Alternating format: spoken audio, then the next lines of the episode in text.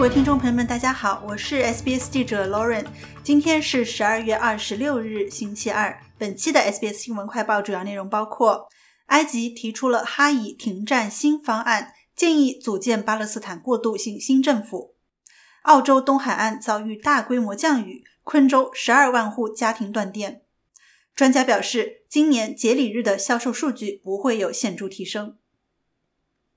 据报道。埃及提出了一项关于在加沙实施停火的计划。该计划要求分阶段释放所有的以色列人质和一些在以色列监狱中的巴勒斯坦囚犯，并组建一个由专业人士组成的巴勒斯坦过渡性新政府来管理加沙地带和约旦河西岸。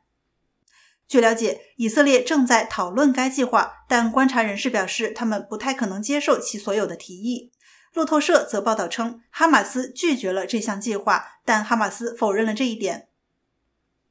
尽管以色列和哈马斯没有公开拒绝埃及的停战提议，但以色列总理内塔尼亚胡在加沙会见了以色列军队，并告诉他领导的利库德集团成员，以色列将在未来几天加强对哈马斯的打击。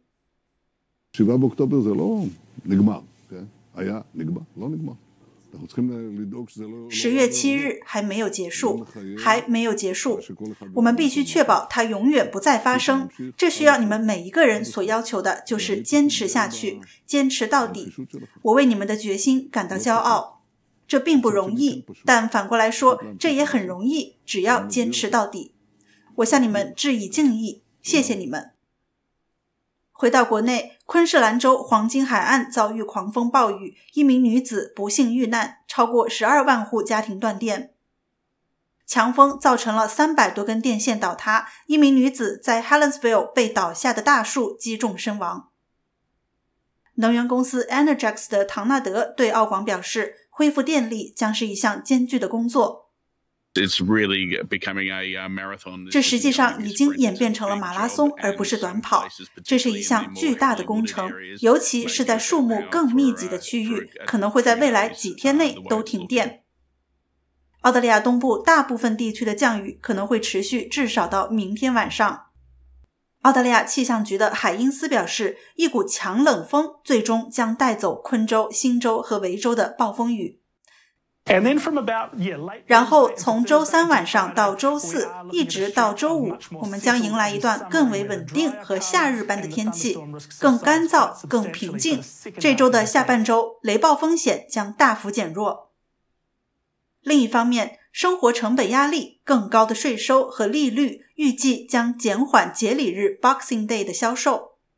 由于2022年圣诞销售的下降，许多澳大利亚人正在改变他们的消费习惯。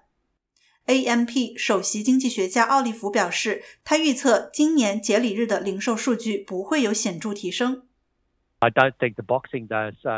我认为十二月份的节礼日销售不会足以抵消零售数据的疲软压力。我们在过去的三年里看到过了这种情况，即便人们仍然在节礼日时涌入消费，但它的吸引力已经不如以前了。我们的消费模式正在发生变化。